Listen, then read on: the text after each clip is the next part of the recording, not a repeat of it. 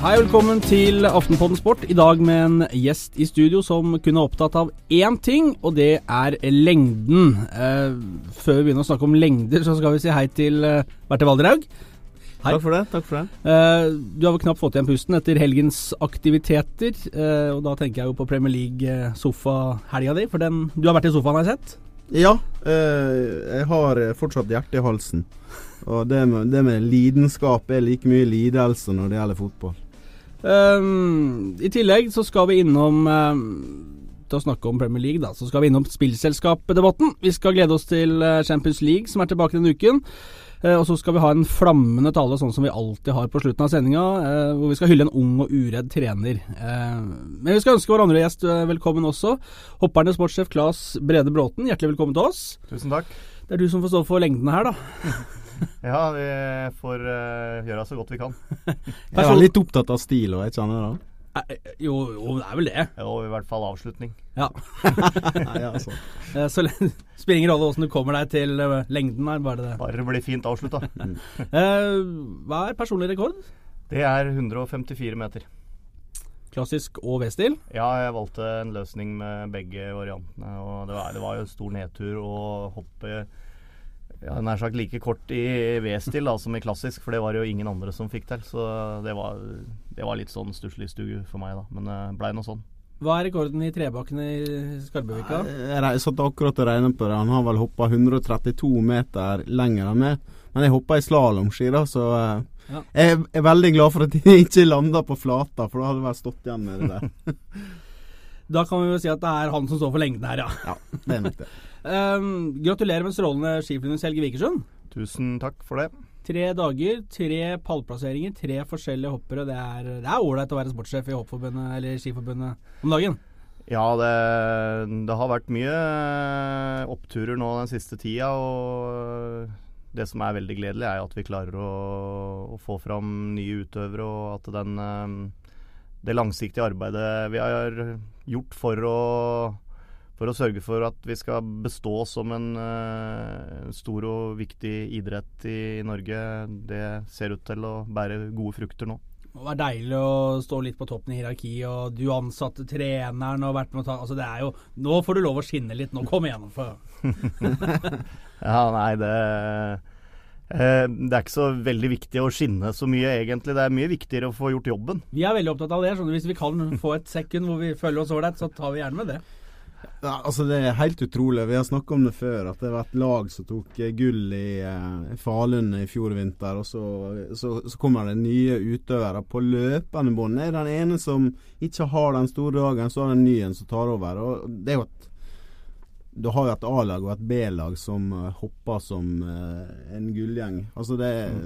altså, De norske herjer jo i Vikersund, bortsett fra at det er selvfølgelig en slovener og til og med en slovensk lagkamerat som klarer å ødelegge det helt store, da, men altså eh, Vi hadde vel ti hopp over 240 meter i Vikersund på søndag, og det var et fantastisk skirenn.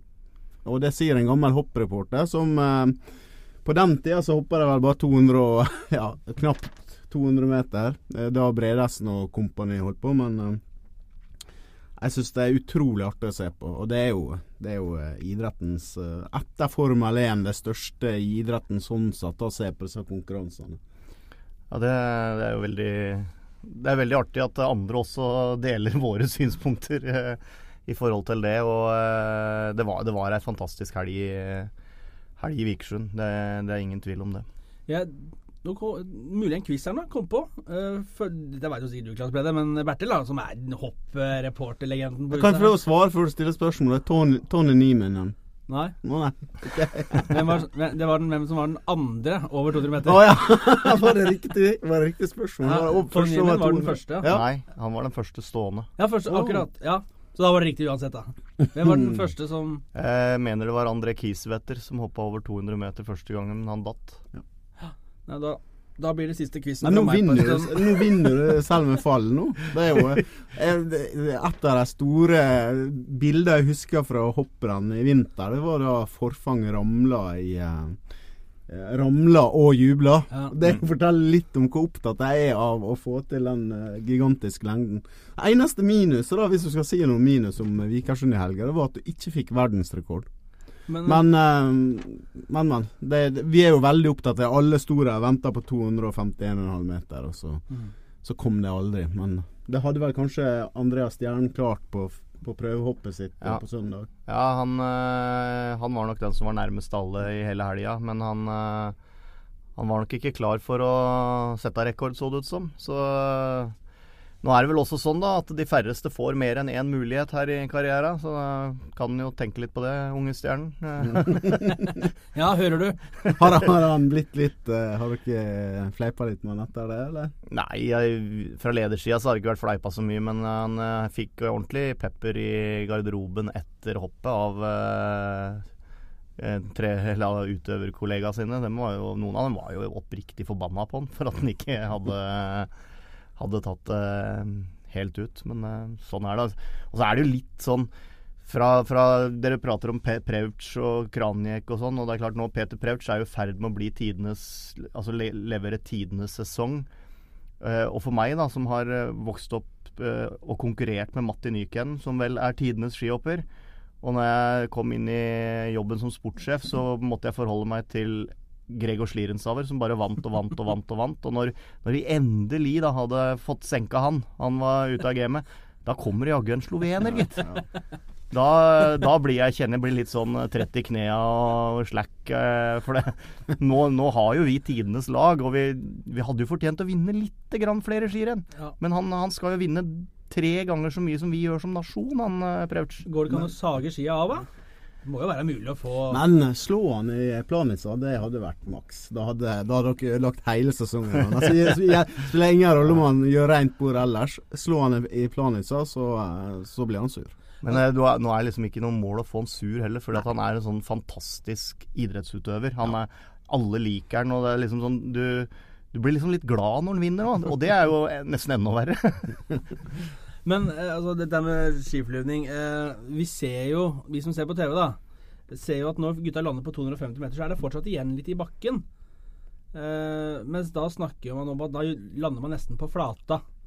Forklar dette her, eh, dette med vinkel i bakken og disse de tekniske tinga. Men det er, jo, det er jo veldig enkelt å, å, i hvert fall forklare fordi at jeg hoppa på ski sjøl. Og jeg prata med Kenneth i går, og etter at han hadde hoppa 248 Altså Du kommer over kuren, og du veit jo egentlig ikke helt hvordan hoppet er før du kommer en 130-40 meter ut på kanten, og du da enten finner ut at ok, jeg begynner å nærme meg bakken, eller du går ut fra bakken.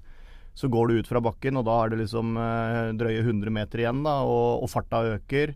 Huet først. Eh, du veit at sånn eh, ut fra det du har blitt informert om gjennom åra, at du har en plass mellom 100 og 120 km i timen, litt avhengig av forholda og 120 km i timen huet først. Det du visuelt ser, det er flat mark. Eh, da skal du ha skal ha litt grann guts da for å fortsette til det på en måte stopper. For det, eh, når flat mark kommer mot deg i ca. 100 km i timen, så er det jo De fleste tenker at det, eh, hvordan skal jeg redde meg ut av det her? Men, men de tøffeste hoppera, de gjør ikke det. Og det er ikke på langt nær alle hoppera som tør å hoppe 250 meter på ski. Og, eh, og vi har nå eh, et stort overtall av hoppere som har dokumentert at de er i hvert fall så nære 250 meter at det er rimelig å tro at de også klarer det. Så eh, det krever eh, mot og selvtillit og tillit til at det, det øya dine ser, faktisk ikke stemmer. For eh, hvis det, det øya dine hadde sett, hadde stemt, så hadde du vært ferdig mann.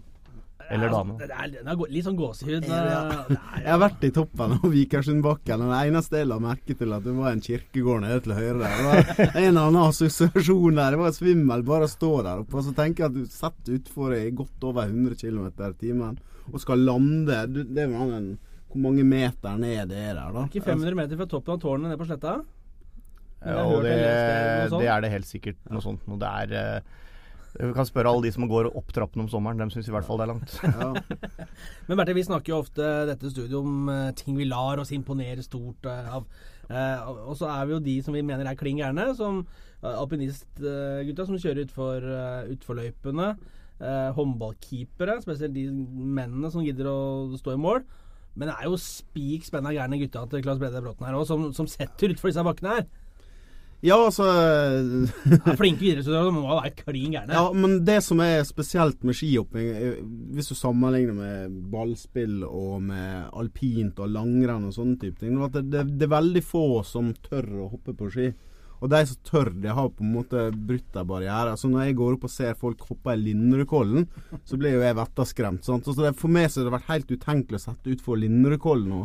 Og så setter de utfor en bakke der det hopper 250 meter. Men det var enda mer imponerende på Klas Brede sin tid, for da hoppa de Da var det 12-13 meter over kulen og de føyk av gårde. Nå er jo det nesten så skia subber nedi eh, fra eh, sånn Og når du snakker om det når du snakker om det da med eh, Prevertsen, og han eh, landa på ryggen, så hadde jo han veldig sånn Han var høyt oppe og landa rett ned, mens Stjernen han Svevkurva til Stjernen var liksom sånn han nesten subba skia, mm. bakskia, i bakken hele veien. Så han ville ikke fått det voldsomme slaget som da Prevers fikk. da det her sier jo en som ikke har grei, veldig greie på det, men jeg ser jo den svevkurva er annerledes. Han fikk vel litt oppdrift i starten, så han fikk, kom veldig høyt opp.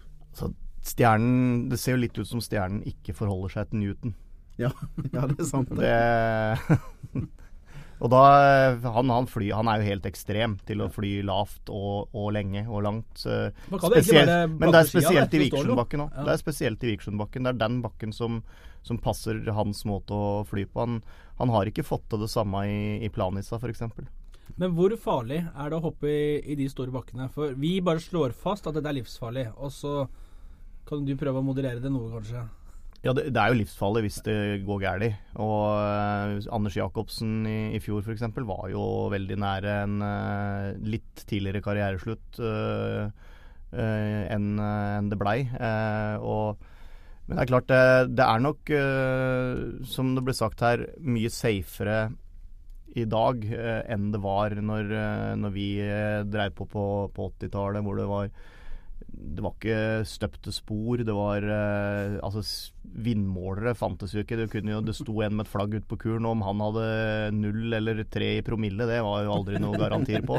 Det handla vel mest om hvor langt ute i helga han sto der. Så det var, eh, det var noe helt annet på den tida. Og, eh, og det skjedde jo også mye mer eh, farlige ting. Men, men jeg syns idretten vår har utvikla seg positivt. og og det leveres mer spektakulære ting nå enn en den gangen, som, som, ikke ser så dramatisk ut. Da. For det som var spektakulært før, det var jo når det så ut som noen som hadde mista vinterfrakken sin opp av kulen, og det kom en hopper med armer og bein og skier i alle bauger og kanter, og helikoptera gikk jo som sånn der De hadde jo sånn køyesenger i ambulansehelikoptera der for å ta med seg nok i slengen.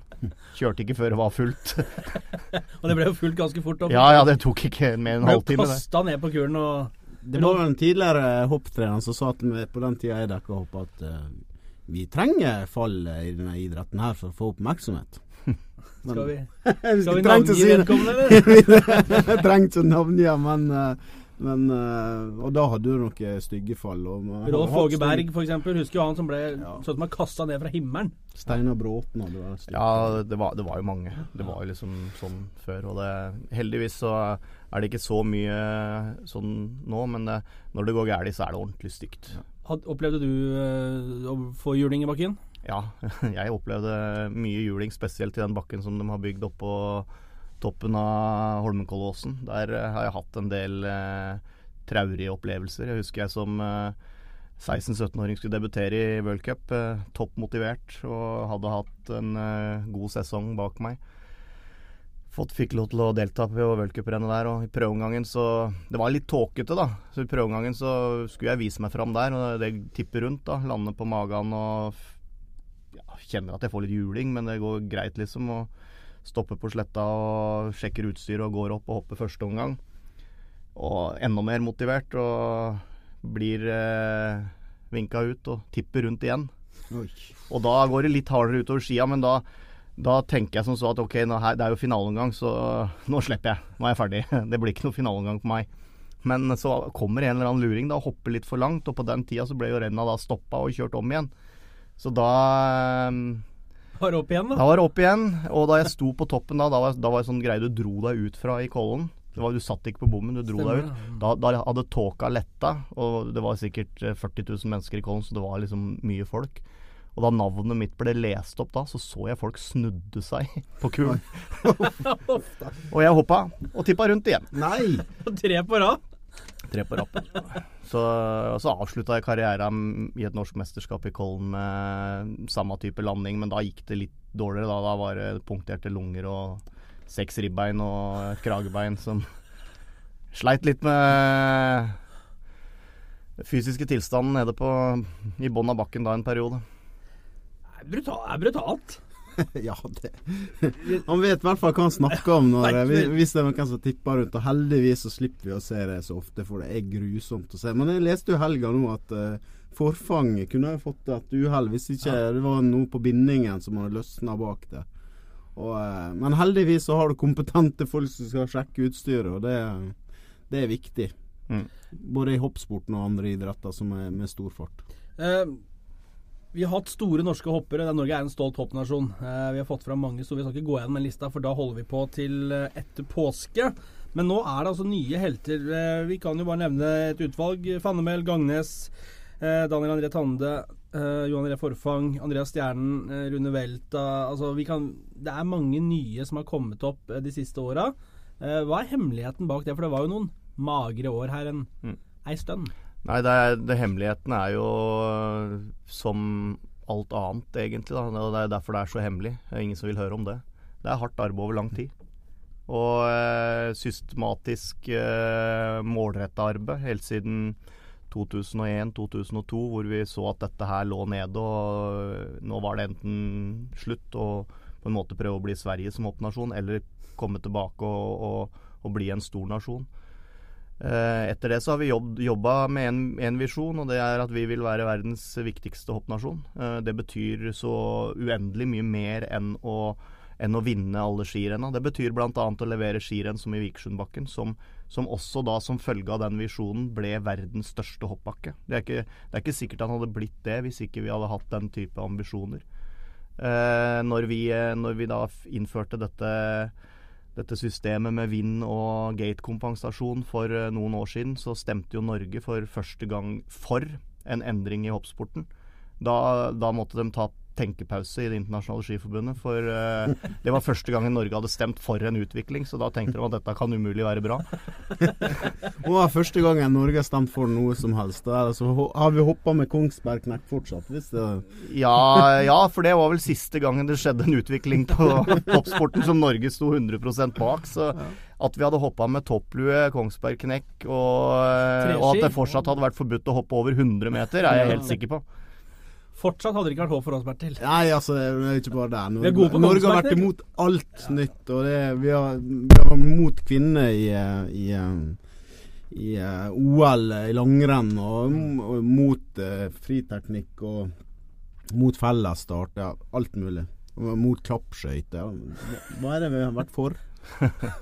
Og V-stilen husker jeg veldig godt. Bertil Pålsrud sto på Lillehammer og var veldig ja. vi, vi, prøvde jo, vi, prøvde jo, å få stoppa V-stilen. Jeg, jeg, jeg hoppa jo på ski sjøl, og eh, vi fikk jo, gjorde jo alt vi kunne for å stoppe uh, den stilen. Det er, og det i seg sjøl er jo tåpelig. Vi var den siste nasjonen som endra. Vi endra i 92 det som er håpløst, er at vi visste om V-stilen fra 85. Vi trente sammen med Jan Boklöv i Sverige. Og, og, min trener sa til meg i sommeren 85-86 Klas, hvis du hopper sånn på ski, så kommer du til å bli verdens beste skihopper. Og da tenkte jeg at nå er det på tide å bytte trener. Altså, jo, men altså, det var kulturen, da. Eh, du, du, blir, du, vokser opp i en kultur hvor, hvor det egentlig handler om å tenke konservativt. og Eh, I verste fall så kopierer du noen andre, istedenfor at vi da kunne tatt den derre forsen vi hadde med antall hoppere, med en solid treningskultur, med en, tross alt en del kompetanse sammenligna med Sverige, og sett hva denne snodige karen fra, fra Sverige gjorde som gjorde at han innimellom hoppa litt lenger enn oss. For det var jo det han gjorde. Bare innimellom hoppa han litt lenger enn oss. Mm. Men, eh, men, vi valgte å se helt bort ifra det. Så vi kunne jo, vi kunne jo dominert hoppsporten på slutten av 80-tallet og begynnelsen av 90-tallet. Isteden så Valgte en litt mer ydmyk i stilen? Nei, vi ja. ja, vi tenkte at vi skal i hvert fall ikke ødelegge idretten med å dominere den. um, Prøve-VM eh, lagt i neste på programmet. Ja. Uh, dere kjenner vel relativt godt de vindutsatte bakkene i vårt uh, broderland litt lenger øst. Det er vel ikke så mye hemmeligheter de har der borte, kanskje, til uh, Når det gjelder hopp, da. Det er jo relativt det samme. Det er jo ikke sånn plutselig så er bakken tre ganger så stor som han var i World Cup i fjor. Nei, det, det, blir eh, det vi er vant med i Lahti. Og så er det jo sånn at eh, det, nå er det mer omgivelsene der som er vindutsatt, for den er skjerma veldig veldig godt for vind med vindnett og sånn. Og så det er eh, Det blir på en måte tilbake til hverdagen, og jobben blir å motivere utøvere til å til å være like fokusert som de er i Vikersundbakken. For da vi, vi, har, vi har noen slovenere som kommer bak oss i nasjonskampen nå, som vi vi vil gjerne ha dem bak også når lysa slokkes i hjemlandet deres. Uh, vi må uh, snakke om en annen ting som er i vinden. Hvis dere skjønner den uh, Ja, ingen som tok den, nei. I vinden. Hopp, oppdrift, vind. Ja. Andre ting som er i vinden. Ja, det er ganske mye som er i vinden. Ja, nei, den er, ja. Seiling. Jeg fortsetter, Seiling. Jeg bare fortsetter, jeg, kanskje, da. Seiling det er litt off-season, Kjetil, men Elendig respons. Takk for den. Jeg prøver igjen. Vi må snakke om noe annet som er i vinden. Eh, debatten om spillselskaper. Jeg tenkte liksom det var litt i vinden. Skjønner fortsatt oh, ja. Nei. Herlighet. Brede Hangeland langet ut mot Norges Fotballforbund fordi de solgte rettighetene for Tippeligaen til Discovery. Eh, Norsk Tipping eier jo navnet til eh, ligaen, mens Discovery da sender reklame for utenlandske spillselskaper. Og da blei det rabalder. Først og fremst, heldigvis så har vi sånne idrettsutøvere i Norge som gidder å engasjere seg no, eh, om noe annet enn om ballen går stang inn og du skal ta én kamp om gangen og jobbe med arbeidsoppgavene. Han engasjerer seg i et stort samfunnsmessig spørsmål, og det trenger han all mulig ære for. Istedenfor så har folk begynt å ta mannen istedenfor ballen her. Og ballen er følgende. Til høsten så skal regjeringa fremme en stortingsmelding om spillpolitikken. Og Det er to alternativ. Det er om eh, du skal uh, ha det sånn som nå, der vi har spillmonopol, eller om man skal uh, gi an, utenlandske spillselskap muligheter til å operere på det norske markedet i større grad enn nå. Og Hangland mener det første at vi skal bevare spillmonopolet. og uavhengig om jeg er enig med han om det eller ei, så syns det er fantastisk at han gidder å bry seg om det. Og han satte i gang en debatt via en, eh, en kronikk i Stavanger Aftenblad og Aftenposten og samarbeidsavisene, sammen med Jon Mørland, som førte til at eh, det ble debatt på Dagsnytt 18 og på Debatten på NRK. Er det ikke på tide å la spillselskapene også få lov å bidra til uh, utviklingen i norsk idrett, i stedet for å si at det er kun Norsk Tipping som kan gjøre det? Eh, Spørsmål til panelet. Det er jo det eh, regjeringa skal ha i den stortingsmeldinga. Så skal de uh, uh, vurdere på ene og andre siden. Men uh, altså, Norsk Tipping bidrar med mange millioner kroner hvert eneste år til norsk, norsk breddeidrett. Og jeg er litt tvilende, spør du meg, og det gjør du, på om at penger fra uh, utenlandske spillselskap skal kunne bidra til det samme. For da har ikke man samme styringa som tidligere. Det er det store spørsmålet her. Hva mener Bråten? Uh, nei, først og fremst er jeg enig i at jeg syns, uh, syns det ser ut som Brede Hangeland uh, bryr seg om noe som er viktig. og han, han fremstår jo som en veldig, veldig solid og reflektert person. Så så jeg har veldig respekt for det måten han gjør ting på. Eh, når det gjelder eh, når det gjelder selve debatten, så er det jo sånn at eh, hoppsporten har jo gjennom eh, alle år hatt eh, ganske kostnadskrevende anlegg, og, og uten, uten, idrettsmodellen som har ført oss dit, så er det jo ikke sikkert vi hadde vært der vi er i dag, med verdens beste anleggspark. Så vi har jo veldig, veldig mye å takke Norsk Tipping for. Og eh, og, og, vi kommer nok til å, basert på hva de har bidratt til for oss, eh, vise takknemlighet og ydmykhet eh, til lenge etter mange andre har slutta med det.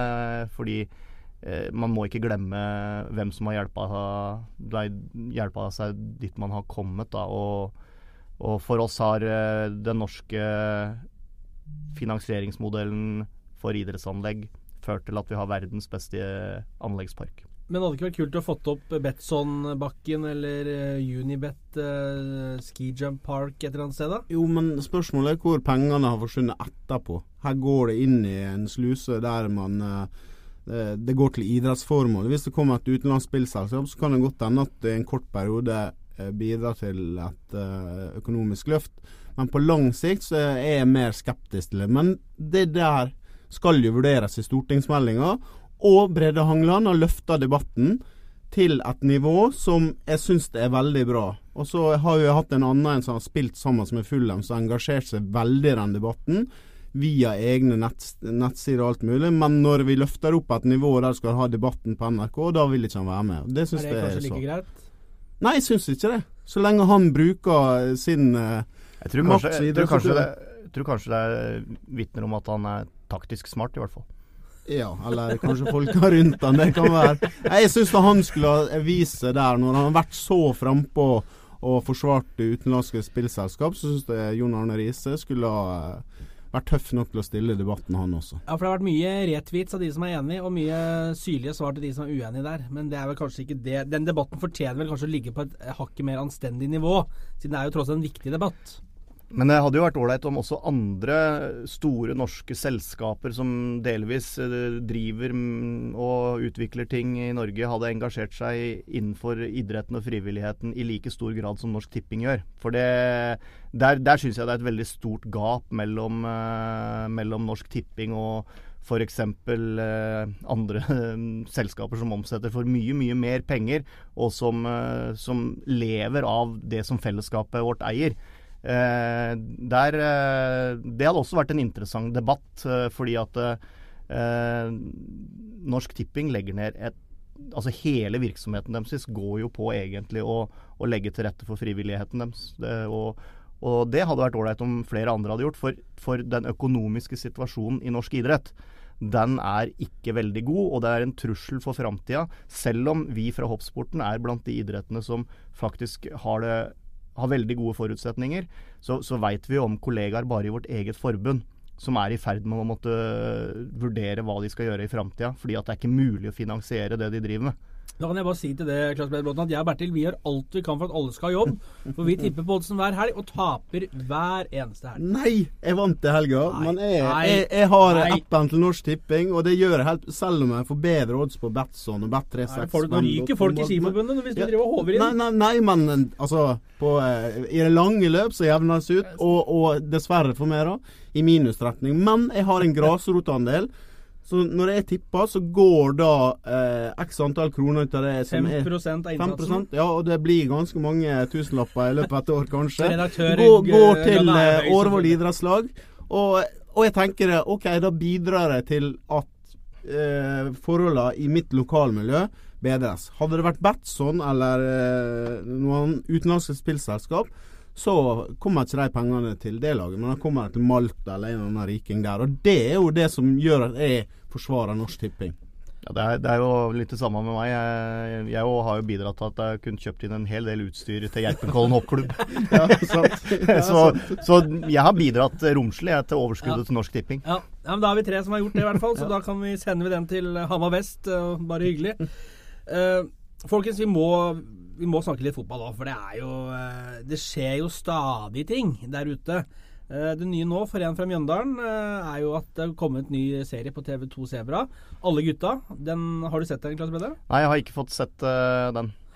Men sårene etter Nerik har lagt seg, eller er det sånn at de er vidåpne og bløder? Eh, nei, jeg, jeg tror opp, det var bare en opptur at de fikk være oppe og smake litt grann på hvordan nivået var. Og jeg håper de klarer å bruke de erfaringene til å bygge videre på en uh, kultur som gjør at vi, at vi kan ha et, uh, et lag uh, i, eh, i de øverste divisjonene som en, en god utviklingsarena for eh, fotballspillere videre. Det virker som de har eh, noen tanker om det. Rakk du innom Isaksen stadion eh, i fjor, eller?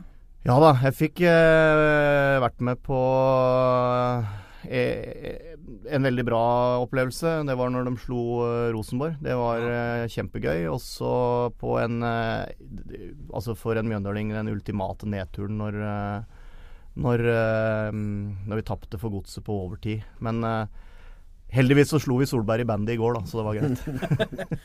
Men det er jo ikke bare i Mjøndalen som spiller fotball. Eh, Barcelona virker å ha treff bra med formen som vanlig. Fryktelig straffe her med Messi. Det, det, men det har du sett før, Klaus Brede? Ja ja, dette, dette dreiv jo Kai Lagesen og Tor Christian Nilsen med tidlig på, på 2000-tallet. Eh, Tor Christian var keeper, selvfølgelig. Eh, for han hadde ikke den store løpskapasiteten. Han, eh, kanskje den tyngste keeperen som har stått i de øverste tre divisjonene. Han, øh, han, kom da Den lengste løpeturen han hadde den sommeren, var opp når han skulle opp og ta straffer. Og øh, sender ballen til side, og der kommer Kai Lagesen nei, nei, vent litt. Det var omvendt. Det var Kai som tok straffa. Og øh, Nei, nå tuller jeg. Det var Thor som tok straffa. Sender den ut til Kai Lagesen, som setter den i mål på samme måte som da eh, Messi og Suárez gjorde i går. Så det, det, er veldig gledelig å se at eh, Barcelona de, de, søker inspirasjon langt ned i rekkene og tilbake i historien. Eh, men Bertil, du det er jo ingen hemmelighet at du har et litt bankende hjerte for et, for et lag fra, fra, London. Og du har jo hatt Tottenham-hjørnet i denne podkasten her nå i det vide og det brede. Vi andre er jo så lei. Men nå er det faktisk en reell mulighet for gull til Tottenham. For første gang siden 1961. Da du jobba med fotball allerede da. ja, du kan si Nei, altså det der med å være fotballsupporter er, er litt spesielt. Og når det gjelder Tottenham, så jeg har aldri opplevd at Tottenham har kjempa om ligagullet. Uh, I hvert fall ikke etter jeg ble veldig interessert. Og det, og det har hatt en sånn likegyldig forhold, egentlig. For at du vet Er det hets Tottenham, så avbryter vi bare. Da ja, jeg bare lurte på om er det noen som har opplevd det? jeg vil si United-supporter og Arsenal-supporter og Chelsea-supporter. De er vant med det hvert eneste år. Men altså, det gjør så vondt å sitte og se på avgjørende fotballkamper. Det er lidenskap, men det er enda mer lidelse. For du, jeg var klissvåt i hendene, og våt under føttene og alt mulig. Ja, nå holder på det. På, ja, men på slutten av den kampen her. Og vanligvis, så, når da Manchester City utligna, så tenkte jeg ja, nå taper de. Men så jaggu meg så skåra Christian Eriksen, og Tottenham vant. Og, og nå ble det close rates framover. Og det fikk Olav Trån, legenden på NRK uh, Dagsrevyen, til å synge bursdagssang til Christian Eriksen, for han hadde jo bursdag den mm. søndagen der. Ja.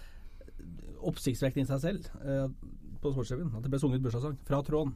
Eh, digresjon. Men eh, ja. Arsenal-Leicester var jo også Leicester leder fortsatt serien. To poeng foran Arsenal og Tottenham. Har du noe lag i England, Klaus Brede? Ja, jeg har, var så heldig at uh, når jeg um, første gang var på Løkka hjemme, så ble det delt inn i to lag. Og det var Liverpool og Leeds på den tida. Som, og jeg, jeg, jeg var jo da Yngst og kanskje også dårligst, så jeg ble satt på venstrebekken. Så jeg var Phil Neal, og etter det så har jeg holdt med Liverpool. Phil Gris Neal? ja, ja, ja. Og eh, kamer kameraten min var litt verre med, for han, han ble Leeds-supporter. Han har for øvrig flyttet til USA, altså, så det Emigrert, Ja, han emigrerte. Ja. Ja, det var, gikk jo bra for eh, Liverpool i runde her. 6-0. Eh, og så var det jo altså det var jo gjen, altså, gjenoppstandelsen selv. Daniel Sturridge tilbake. Jeg tror ikke han hadde knæret eller Nei, lår, får, eller hva. Han får strekke, Han får bare strekke han til påske. Ja, han, eh, han har han ikke ca. to i måneden, da? Jo. Han har nok det. Men Danny Welbeck dukka plutselig opp for Arsenal og avgjorde ja. mot Leicester. Den kan vise seg å bli meget viktig ja, i gullkampen for der. En, for en syk kamp det var. Altså, Leicester det er blitt mitt nye nummer to-lag. Eh, selv om jeg kjemper med Tottenham. Det er blitt mitt nye nummer én-lag. Er det det? Ja, ja, men ja. Det er på grunn av ja, du er jo en medgangssupporter, så, så enkelt er jo det. Jeg er fra Hamar, altså ikke snakk til meg om medgang i fotball, da. Nei, det, det, det har det vært mye motbakke, altså. Stadion er ikke ferdig ennå. Hamskam. Nei, dette kommer vi til å klippe vekk. Nei, men eh, Leicester det er for et lag, altså. Ja. Eh, de har nå ni kamper igjen, og det er de ni kampene de skal spille resten av sesongen. De tre andre som kjemper om ligatittel, de kan maksimalt komme opp i 5-26 kamper. Jeg, jeg, tror det, jeg tror Leicester eh, kan klare å bli ligamester, selv om de tapte mot Arsenal. Og det var Jeg tipper de hadde klart å i hvert fall fått med seg ett poeng, hadde ikke de fått utvisning tidlig i andre omgang. Uh, det som er morsomt, og kanskje mer morsomt enn mye, er jo at Champions League er tilbake. For oss da som rydder kalenderen fra klokka åtte tirsdager og onsdager, Eh, så er dette her det eh, dette er stort. Ja, men det største som skjer denne ja, uka her det er, det er, jo, det er jo på torsdag når Molde skal spille Europaligaen. Ja, men nå tenkte jeg igjen at jeg hadde en tanke bak at vi starta oh, med det som skjedde tidligere i uka. litt sånn du vet at jeg prøver å forberede meg til disse sendingene. Ja, er det sant. Men skulle vi da ta to ord kanskje om Champions League først? Ja, Gleder vi oss, eller er det Nei? Jo. Ja, vi gleder oss, ja. Paris Saint-Germain mot Chelsea. Ja, det blir fin. Vi hadde jo håpet det skulle være møte mellom eh, Zlatan og Mourinho, da, men eh, Mourinho sitter vel med en iskald drink nede på ei, en eller annen strand en plass. Før, før, før han skal ta over for Louis van Gaal i Manchester. Men uh, det er den ene store kampen. Så har du Roma og Real Madrid på onsdagen. Før du kommer over til torsdag, der eh, Ja, men vi er ikke helt på torsdag ennå. For da skal jeg bare sende spørsmålet videre til spre det. Når dere er ute og reiser og farter mellom, og så får dere samler dere på kvelden og jekker en Farris og ser på ball, eller er det Ja, vi, det, vi er ganske mange som, eh, som holder med Liverpool. Da, så vi prøver å se de kampene de eh, spiller. Men det er ikke Da så blir det oftest i helgene, for det er vel ikke så mye Det blir mye helge... mye De skal jo helgesamlinger. spille Europaliga hjemme òg, skal Ja, de? Ja, de er jo på nivå med Molde, dem, så verst, det, da. Nei da, det Molde er jo et av topplagene i Norge, og da kunne jo kanskje Liverpool vært det òg, da. Hvis Ja. de hadde Hadde vel hevda seg fort, vel. Ja, får håpe det. Får håpe det. Vil jo tro det. Men da, Bertil, Molde skal jo ha aksjon på torsdag i Europaligaen. Ja, det skal de. Borte mot Sevilla. Ja, blir det mm, gratinert, som han Niklas Dyrhaug sa til Kollen-femmila? Ja, jeg blir overraska hvis Molde får et resultat der, men eh, de har overraska før, og de var veldig gode på bortebane i i fjor høst eh, i Europaligaen. Så, eh, men de har mista en del spillere i løpet av vinteren, og sånt, så eh, hvis Molde får et resultat der, så eh, må det være en av de største prestasjonene i norsk klubbfotball. Klarer de å slå ut Sevilla midt på vinteren? Men de har jo mista han, men de har jo fått De har hente hentet en islandsk viking, en legende. Ja. Eidur Gudjonsen. Det Ja. er morsomt. Ja, det og, og han kommer til Molde for å komme seg i form til fotball-EM, som Han har jo vært eh, Han er vel 37, det det han er 37, nå? ja. Han er fortsatt tre år yngre enn Daniel Berg Hestad, som herja med Celtic på Celtic Park i fjor høst. Så det, så det og Men dem, han, og han du hadde jo herja med dem, da. Nei, det hadde ikke. Kanskje du, men ikke jeg. Det lett når du kan det. Claes Brede, eh, 37 år. eh, Den eldste på hopplandslaget er vel 18,5? Eh, ja, blir 18 til uka. Nei, eh, de er yngre, ja. Fort vekk ti år yngre, den eldste. Men hvor, hvor viktig er det å få inn eh, når det, skal, måte, når det er store ting på gang? Hvor viktig er det å ha liksom, rutine i, i sånne prestasjonsgrupper som kan Eller hva kan de bidra med, liksom? det, det, jeg, jeg tror det viktigste er å ha rutinene i apparatet rundt. At, uh, at du har folk uh, som, uh, som veit hva det er som skal skje. Og det det viktigste er egentlig å sørge for å ha skihoppere som er i form, og som ikke lar seg forstyrre av uh, omgivelsene. Og, og det er vel den viktigste jobben uh, det apparatet rundt utøverne våre kan gjøre. og der syns jeg vi eh, er i ferd med å etablere et av de beste systemene i vår idrett i verden. Men er det gitt at en 37-åring som kommer inn, på en måte hever et lag? Tror du Gudjonsen f.eks. hever Molde veldig? Nei, jeg, jeg er veldig spent på han, men eh, de som så han i landskamp i januar, så var han visst ganske bra form da. Så Eidur Gunnjonsen på eh, normalt nivå, han vil jo heve Molde. Han vil heve alle norske lag. Han er vel en av de spissene som ikke har vært i Liverpool, tror jeg. Du kan ha vært i Liverpool, men har vært i Tottenham. Vært i Tottenham og Bolten og Chelsea og Barcelona og Monaco, eh, ja. Men er det ikke litt sånn når du er spiss, og i hvert fall sånn som jeg har fått med meg, så, så handler det bare om å vite hvor du skal stå. Og det blir du vel flinkere med, det, med åra. Ja, flinkere til å stå riktig. Ja, bare stå på riktig plass. Bertil Valdraug, du har bedt om ordet til en, eh, en siste slags eh, parole her, så da gir jeg bare egentlig ordet til deg. Ja. Ja, det var dine ord, men Vi har fortsatt ikke Altså, fått den fanfaren. Nei, nei, men altså I Norge så er, er Du snakker om å være konservativ. Eh, norske skøyteentusiaster er i hvert fall konservativ. Og det å gå 10 000 meter og 1500 meter i et VM, det er av ekstremt stor betydning. Og så har vi da en, en ung eh, trener som heter Sondre Skarli fra Dølemo idrettslag. Han valgte i VM nå i helga å, å satse på lagkonkurransen og på 5000 meter. Og resultatet ble eh, sølv i lagkonkurransen, den beste prestasjonen til et norsk lag, og bronse til eh, Sverre Lunde Pedersen på, fem, eh, på 5000. Og det er veldig bra gjort, og det er et dristig valg. Og den som intet våger, intet vinner. La det bli siste ord om trenere som tør å gutse.